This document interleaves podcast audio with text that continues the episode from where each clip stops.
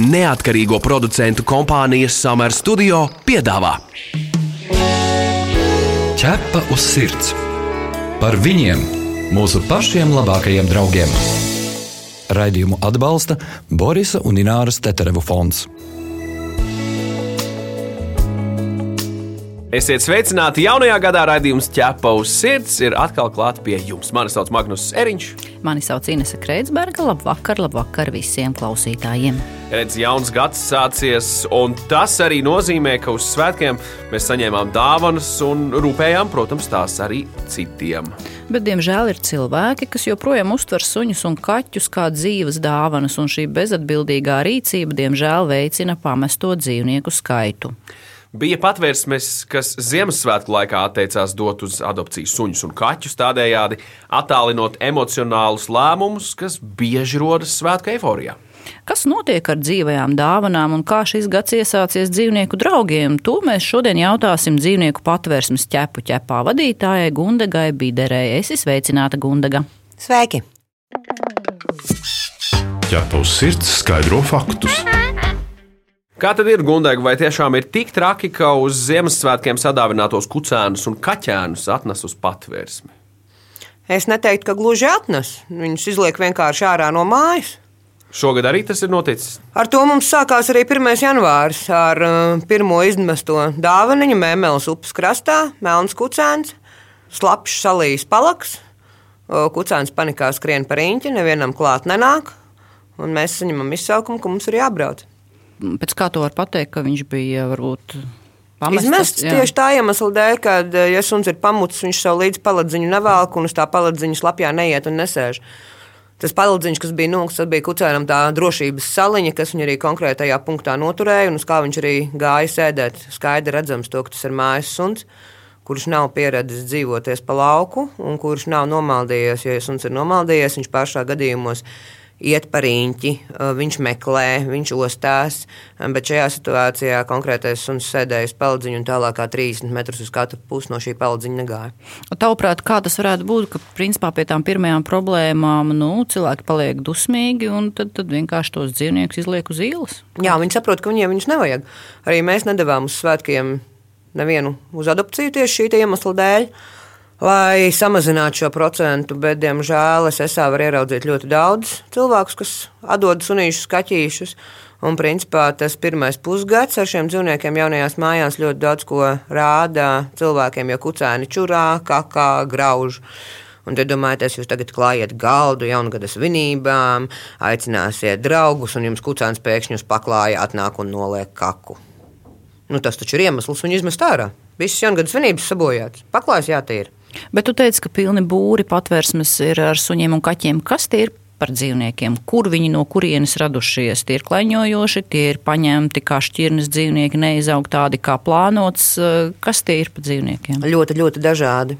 Mums tikko patvērsmē decembrī nonāca gan tīršķirnes vācu aitu sugas suņu, suņu puika Bruno gan nonāca Ķīnas cekulēnais suņuks ļoļiks, un viņus vieno tas, ka saimnieks nevienā ne otrā gadījumā šiem suņiem neatbrauca pakaļ.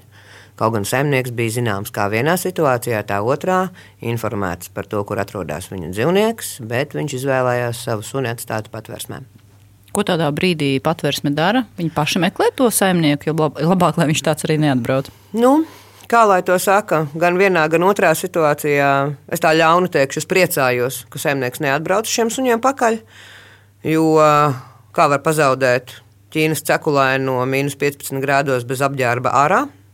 Tāds smagais jautājums, un jautājums pa vācieti ir, kā pie suņa, kurš atrodas vecumniekos, saimnieks dzīvojošs Rīgā, var atļauties braukt divas līdz trīs reizes nedēļā, pabarot suni.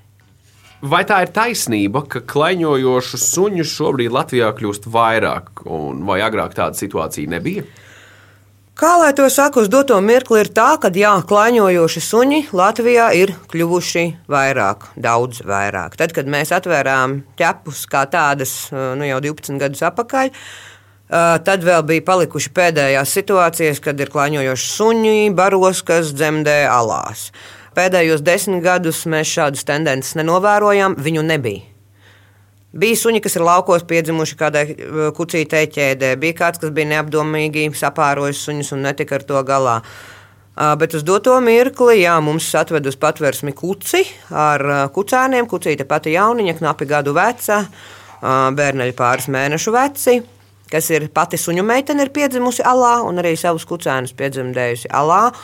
Un runājot ar kolēģiem, šī mūsu situācija nav vienīgā. Arī tikko mēs saņēmām telefonu zvanu ar informāciju, ka ir saimniecība, kurā mitinās 17 suņu bars. Un tā ante, kas ar esošo problēmu netiek galā. Mm, Tā situācija ir kļuvusi ļoti skarba. Ļoti skarba viņa kļuva Covid laikā, kad uh, visi, kuri gribēja, paņēma sev mājās suņus.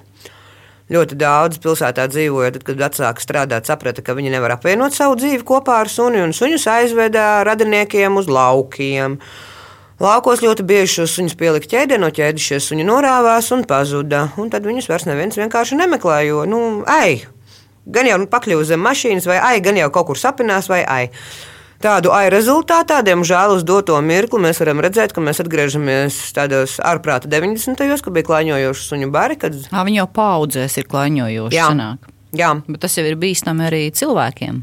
Nu, Tās šī ir bars. otrā paudze, kas ir nokļuvusi pie mums, un jā, tas ir bīstami cilvēkiem. Jo suns nebaidās no cilvēka. Viņš zina, ka no cilvēka var dabūt ēst. Un, ja viņi apvienojās barā, tad būs tāda pati situācija, kā bija Baldarājā, kad tanti apēda klaiņojošu suņu bērnu. Mēs, diemžēl, uz to ļoti straujiem soļiem tuvojamies. ķepa uz sirds, suņu būda. Nu, labi, bet tagad iedomājieties to situāciju, un cilvēki redz tādus suņus aizdomīga paskata. Kam tad lai viņi ziņo? Tam pašam pārtiks veterināriem dienestam? Viņiem ir sākotnēji jāzvana pašvaldības policijai. Jāspēj vismaz jācenšas izsekot, ja viņi redz klāņojošu suņu baru, kur tad viņš ir un kur tad viņš mitinās. Jāzvana, protams, arī pārtiks veterināriem dienestam, bet ar klaņojošu suņu bariem ir problēma to, ka viņi izvēlās vienu teritoriju, kurā viņi vairāk vai mazāk uzturās. un Tad jau šajā teritorijā ir jāveic klaņojošo suņu bara izķeršana, kas gluži vairs nav ne tik viegli, ne tik skaisti, kā vienkārši noķert mājas istabas suni, kas kādam ir pamucis. Skaidrs, ka Latvijā jau vairākus gadus aktuāli ir uh, mājdzīvnieku čipēšana. Mm, kā tas notiek dzīvē, un kā lai cilvēkam iestāsta un iestāda ideju, ka tas ir svarīgi mums ikvienam? Problēma jau ir tā, ka tas ir svarīgi mums, bet daļai sabiedrības tas nav svarīgi, jo viņi, nu kā, nu, viņi to neuzskata par nepieciešamu. Viņi neredz tam čipam jēgu. Viņi neredz tam čipam jēgu, daļa no viņiem nesaprot nepieciešamību pēc šī čipa, un daļai no viņiem ir uzskats, ah, nu viens suns pazudīs, nu paņemšu nākamo.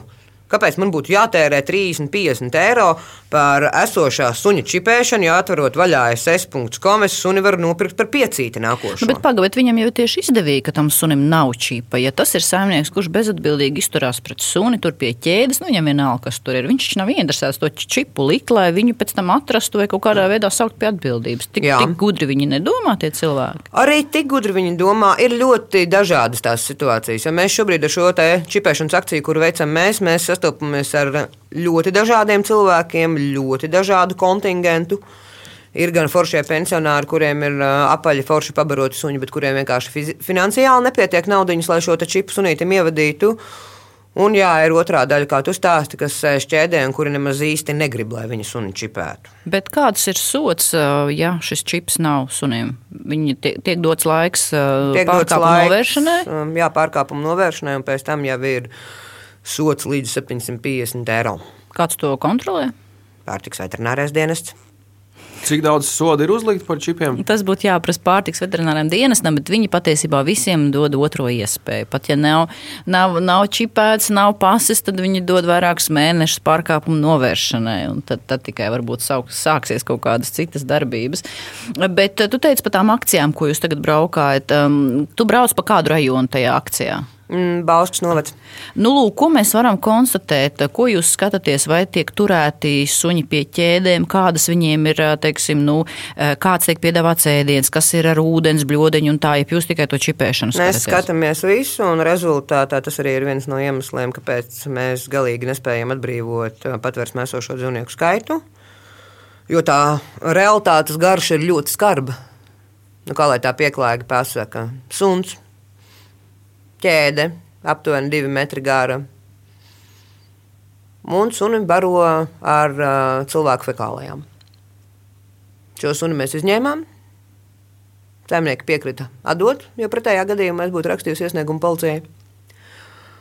No šīs pašas adreses izņēmām arī grūsnu suņu meiteni, un no kaimiņiem, diemžēl, rakstījām iesniegumu policijā par cietsirdīgu izturēšanos pret dzīvnieku, pārsūtījām arī informāciju pārtiks veterinārajam dienestam, jo arī blakus šķūnītī atradās ķēdē pielikts suns, kurš, diemžēl, bija zaudējis savu apmetojumu, bija klips, nespēja normāli pārvietoties. Tās ir situācijas, ar kurām mēs saskaramies. Nu, šobrīd kādā stadijā tā tālākā virzība, nu, reāli šiem cilvēkiem var kādu apsūdzību izvirzīt? Administratīvais sots, principā. Ķepa uz sirds, jautā ekspertam. Labi, bet runāsim par to suņu turēšanu pie ķēdes. Mēs jau ar ķepos sirds regulāri par šo tēmu arī runājam.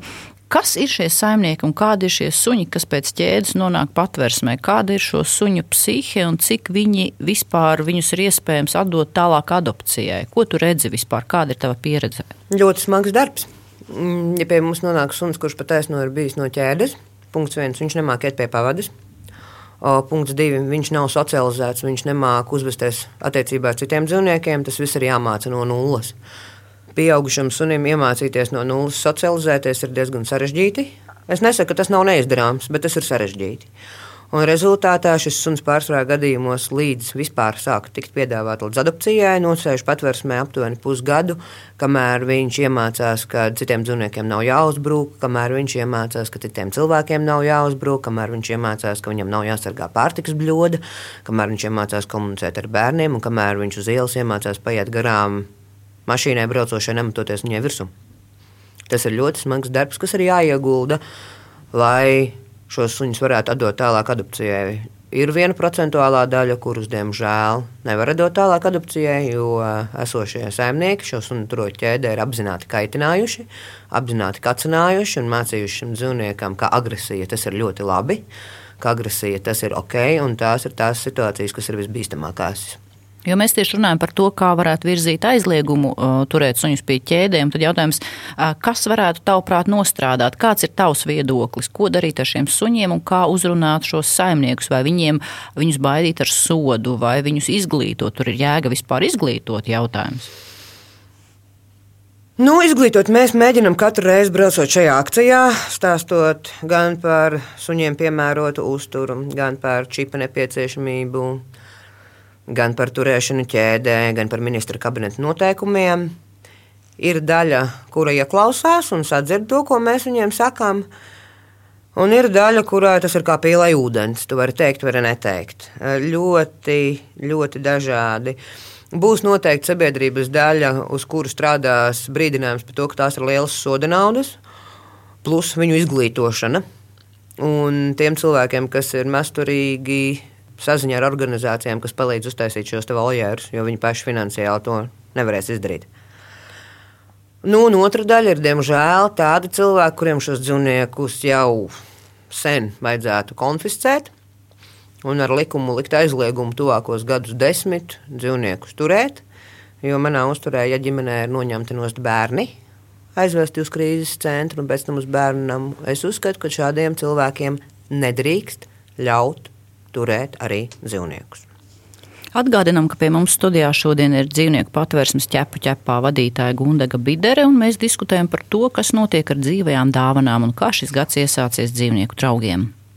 Šo radio pārraidi varēsiet dzirdēt arī populārākajās straumēšanas vietnēs, podkāstu formā, kā arī Latvijas radio mājaslapā un arī mājaslapā www.ķepaus sirds LV. Tu esi mans draugs, ķepaus sirds. Gundaga, tu noteikti esi redzējusi, un, uh, un tev ir izveidojies priekšstats par to, kas šobrīd ir lielākā problēma dzīvnieku labturības ziņā.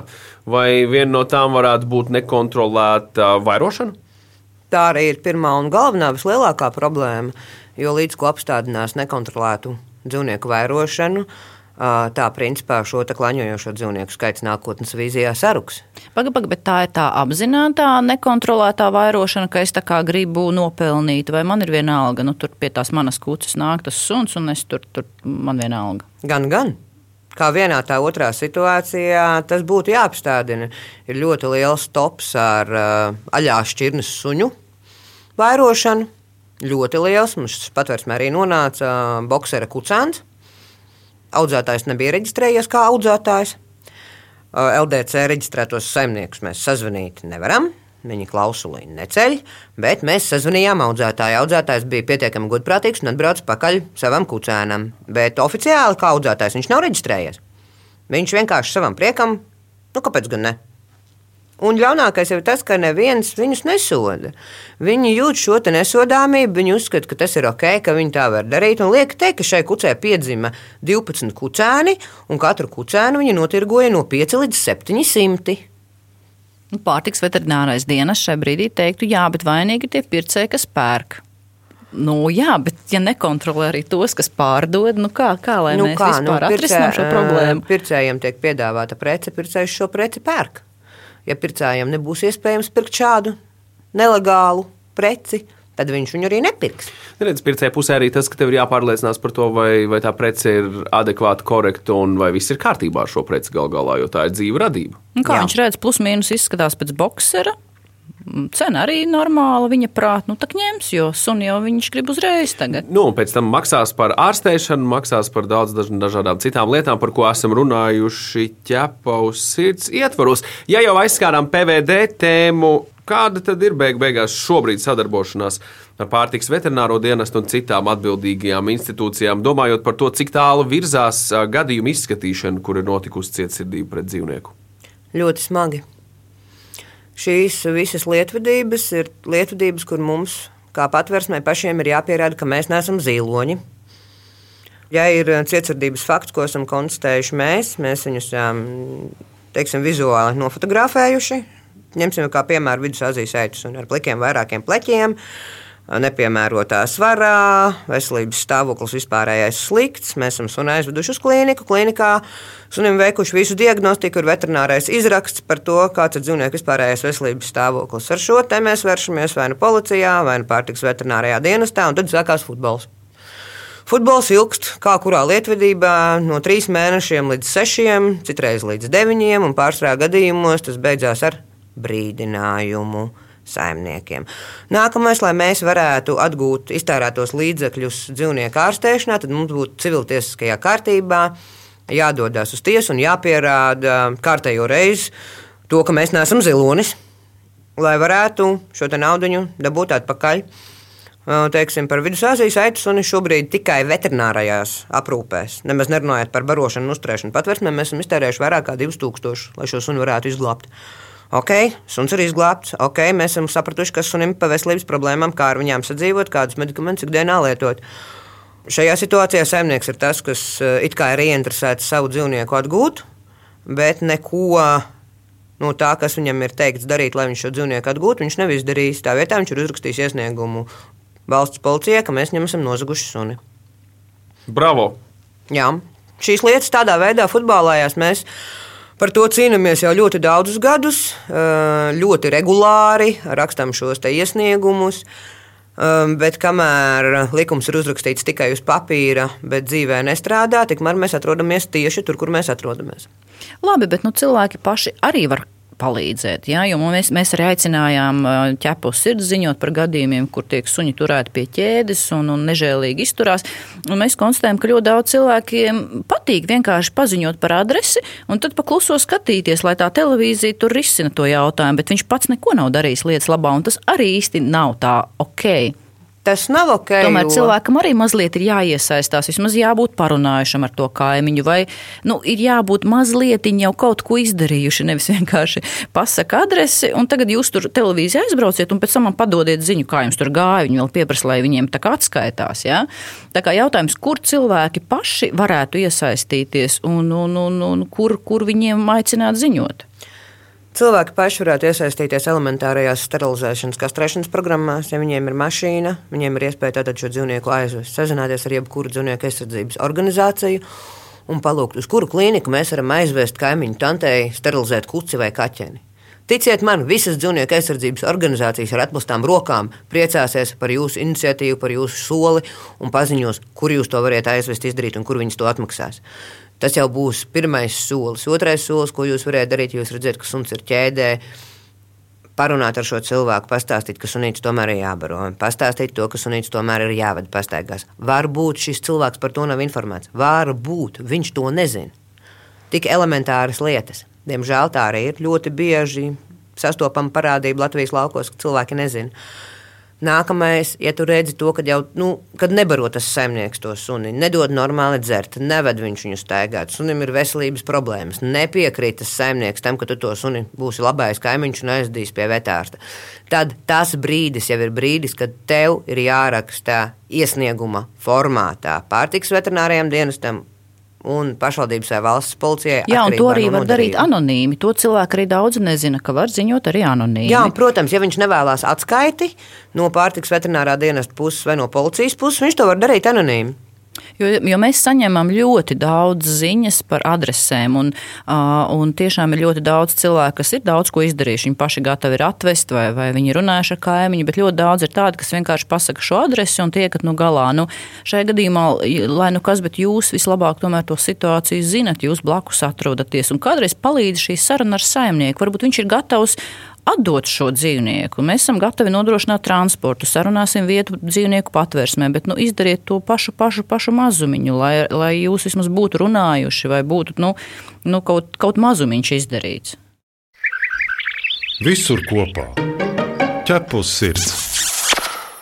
Cik bieži patvērsmē nonāk suņi, kas ir saimnieka suņi, bet vazājas un klīst apkārt ārpus sētas? Un ko saka likumdošana par šo, ko saka normatīvie akti šādos gadījumos. Uzmanību, visi kaimiņi, kurus traucē kaimiņu suns, šis jums ir jāzina. Ja sunis sēnieks regulāri laiž brīvsolī, tas ir ministra kabineta noteikuma pārkāpums. Zinām suni, zinām kaimiņu, zvans pašvaldības policijai fiksējam ar mobilajiem tālruņiem, nofotografējam, nofilmējam, aizsūtam pašvaldības policijai pierādāmo faktoru. Atbrauks pašvaldības policija, konstatēs, ah, suns ir staigājis ārpus sētas. Saimniekam pienākās pirmajā reizē brīdinājums. Otrajā reizē tas jau ir administratīvais sots par to, ka šis suns regulāri tiek laists brīvsolī. Jo tāda vispār laišana brīvsolī, tas ir, es nezinu, kāda cilvēka izdomāts termins. Tā sunim nebūtu jāuzvedās, viņam nebūtu nekur vienkārši jāvazājas apkārt. Tagad tas ir pārkāpums. Jā. Bet kuros brīžos eh, to suni aizved uz patvērsmi, tas notiek kurā brīdī? Ja nevar sazināties ar dzīvnieku īpašniekiem, teiksim, ja mēs kā ķērāji aizbraucam, nolicam sunim čipu, aizbraucam līdz policijai, pa ceļam zvanot dzīvnieku īpašniekiem. Dzīvnieku īpašnieks mums neceļ. Labi, mēs viņam aizsūtām īziņu. Uz īziņu viņš nereaģē. Turpinām zvanīt. Viņš mums neceļ. Nu, ja viņš neceļ un negrib sadarboties, tad mēs suni vedam uz patvērsmi. Cik ilgi mēs sēdēsim policijas iecirknī un gaidīsim, parādīsimies saimnieku? Nu, tad saimnieks pārsvarā gadījumos jau tomēr uh, ņemās prātā un brauc šim savam sunim pakaļ.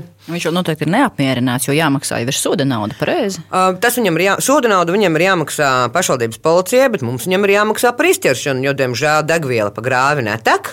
Tātad tie ir 30 eiro par to, ka mēs esam aizbraukuši šim sunim pakaļ. Katra nākamā diennakts, ko šis suns pie mums uzturēs, tie ir 4 eiro, kas viņam ir jāmaksā. Plus, ja viņa suns nav laicīgi bijis savakcinēts pret trakumu sārgu, tad mums līguma attiecības pašvaldība paredz to, ka mēs šo suni nesavakcinētu pret trakumu sārgu ārā no patversmes neizlaižam. Tad viņam vēl ir jāsamaksā 15 eiro par suņu vakcinēšanu. Ja nav čipēts, tad arī par čipēšanu un reģistrēšanu. Bet kur rodās tie suņi, kas staigā apkārt? Viņi, nu, piem, teiksim, nav kastrēti un tāpēc viņi staigā apkārt vai vienkārši gluži elementāri ap māju nav sētas? Es teiktu, ka eh, viņi nav kastrēti gandrīz neviens no šiem suņiem, kas staigā par īņķi ap māju sēta var būt, var nebūt, bet pārsvarā gadījumos tiem suņiem sētā ir garlaicīgi, jo saimnieks uzskata, man ir privāta māja, man ir suns, man ir sēta riņķī, man ar suni nav jāiet staigāt. Tad šim sunim šajā privāta mājas teritorijā paliek gaužām garlaicīgi, un viņš atrod veidu, kā sevi izklaidēt. Un, ja saimnieks nav gatavs rūpēties un nodrošināt sunim aktīvu dzīvesveidu, tad suns to darīs pats. Nu, bet noslēgumā mums jau tādas visādas idejas jauno gadu iesākot, un, un ir tāda, tāda interesanta doma bezmaz stāstīt par to, kā jaunu rubriku, kāpēc cilvēkam nevajag dzīvnieku. Jo tas, par ko mēs tagad runājam, tās ir sekas patiesībā ļoti lielai problēmai, ka cilvēki līdz galam nav bijuši pārliecināti, vai viņiem tiešām vajag šo dzīvnieku, sevišķi suni. Un tāpēc man jautājums, Gundega, tev, um, cik bieži tu novēro šādu situāciju, kad atsakās no suņa vai kaķa ģimene, piemēram, kur nav bijusi sākotnēji šī vienprātība par to, ka vajag dzīvnieku? Atsakās ļoti bieži. Pārsvarā gadījumos tas ir bērnu iegribas. Mēs gribam sunīti, Nāmas mm, tēti, sakošu zobus un piecieš un paņem šo te sunīti vai kaķīti. Nu, tad paiet kaut kāds laiks, bērnam šis sunīts kaķītis ir apnicis. Vecāki saprot, ka viņi negrib rūpēties par šo sunīti vai kaķīti, un tad tas sunīts kaķītis ceļo uz patvērsni. Pie mums arī brauc cilvēki ar paziņojumu, ka mums bērns mājās grib suni vai kaķi. Nu, tad es esmu šausmīgi griebīga tante un saku, Jauki, nav problēmas. Katru sestdienu vai katru svētdienu jūs kopā visu ģimeni braucat pavadīt patvērsmē. Iet staigāt ar suņiem, ja bija arī bērns grib kaķīt, lūdzu, nākam palīgā uz kaķu māju, reku kaku lasāmā lāpstiņa rokās, lasam ārā no kastītēm kakas, pagaršojam, ko nozīmē tas, kad ir dzīvnieks bez dzīvnieka mājās, un saprotam, cik ļoti šie bērni ir gatavi rūpēties par šo dzīvnieku realitātē dabā un cik ļoti gatavi ir vecāki iesaistīties šajā procesā. Un viņi brauc, steidzina tos Jā, suņus rudenī. Ir, ir, kas, sniegā. ir kas brauc, kas steidzina, ir kas, protams, izvēlās vienkāršāko ceļu, pasūta mūsu lasīt salspuķus, atver ss.com un tiek pie sava mīluļa. Paiet aptuveni pusgads, un tad viņi degunus nokāruši zvana mums. Un lūdzu, lūdzu, uzņemiet sunīti vai kaķīti. Nu, jā, bet kā rīkoties īstenībā? Tepat nav runa par bērniem. Ja, piemēram, pārī ģimenē, piemēram, viens grib, otrs tā kā nu šaubās, un tad tā viena pusīte saka, nu es darīšu visu, tev nekas nebūs jādara, bet tam otram tomēr līdz galam nepatīk. Nu, kā tad saprast, vai būšu es piemērots suņa vai kaķa saimnieks, ja man tas dzīvnieks līdz tam nav bijis? Nu, ko, paņemt to suni vai kaķu uz pagaidu mājām? Kā cilvēks, lai saprot, vai viņš ir vai nav gatavs kļūt par suņa, piemēram, saimnieku? Viena ideja ir jā, mm, runāt ar patvērsmēm un paņemt kādu dzīvnieku uz pagaidu mājām, kurām šīs pagaidu mājas ir nepieciešamas. Tādā veidā tu vari saprast, kāda ir šī sadzīve, kāda ir ikdiena kopā ar suni. Cik daudz tev laika ir jāvelta pastaigām, cik daudz laika tev ir jāvelta mājas tīrīšanai, cik daudz uzmanību un arī finanses paģērē šis dzīvnieks. Tas ir viens no veidiem. Otrs veids ir braukt uz patvērsmēm, braukt staigāt ar šiem suņiem, meklēt kontaktu, saprast, ir vai nav. Mm, vēl, protams, ir informācija. Mēs dzīvojam informācijas laikmetā, ir iespējams atvērt to pašu Facebook, suņinieku grupas, palasīt visādas dažādas problēmas. Ir pieejams ļoti daudz ar literatūru, ko tu vari izlasīt. Pirms tu ņemt mājās suni, lai tu saprastu, ar ko tev nāksies saskarties. Ja tu paņemsi mājās kucēnu, tev ir jārēķinās, ka pirmo gadu viņš tev grauzīs visu. Vienkārši visu. Tev visur būs peļķītes, tev visur būs čūpiņas. Es ļoti daudz un ļoti bieži, diemžēl, cilvēkiem taisnā tekstā saku, jums nevajag suni. Jūs nesat viņiem gatavs. Un cilvēki apvainojas, jo viņi nesaprot, kāpēc es tik ļauni domāju. Tāpēc kā mēs it kā raidījums par dzīvniekiem, bet mēs aicinām neņemt dzīvnieku, vai ne? Bet man liekas, ka tā ir tā īsta atbildība. Un Magnus, pie kā mēs atkal nonākam? Mēs nonākam pie tā, ka jābūt godīgam pašam pret sevi. Ja tu esi godīgs pats pret sevi un saproti, ka tu vari uzņemties rūpes par dzīvnieku uz priekšu, bet tev ir jābūt arī spējīgam atbildēt sev uz šo jautājumu, vai es varu uzņemties rūpes par kādu arī ar nē, un tad godīgi dzīvot tālāk, neuzņemoties rūpes par dzīvnieku, nepaņemot to sev. Nu, tieši tā, un kā mēs atkal sakam, kad uh, vajag ņemt dzīvnieku tikai tad, ja tu savu dzīvi bez tā iedomājies iedomāties nevar. Kamēr tu savu ikdienu vari vadīt bez suņa vai kaķa, tev dzīvnieks nav vajadzīgs. Gundaga, liels paldies par uh, sarunu jaunajā gadā, lai, lai skaists gads un pēc iespējas tukšāk voljeru, laikam tas būtu visprātīgākais, ko novēlēt. O jā, paldies liels! Līdz nākamajai reizei! Mūrāģam ķepa uz sirds! Mēs savukārt atgādinām, ka ķepa uz sirds TV raidījumam varēsiet sekot līdzi katru sestdienu, pulksteni 11.15 un atkārtojumā svētdienā LTV1. Mēs arī gaidām jūsu jautājumus, ierosinājumus, idejas, sižetiem. Rakstiet mums info atķepa uz sirds.lv. Bet šajā raidījumā tas ir arī viss. Mani sauc Inese Kreitsberga. Mani sauc Magnus Eriņš. Raidījumu veidoja neatkarīgo producentu kompānija Summer Studio. Visu labu! Atā. Ķepa uz sirds! Informatīvi izglītojoši raidījums par dzīvnieku pasauli un cilvēkiem tajā. Raidījumu atbalsta Borisa un Ināras Teterevu fonds.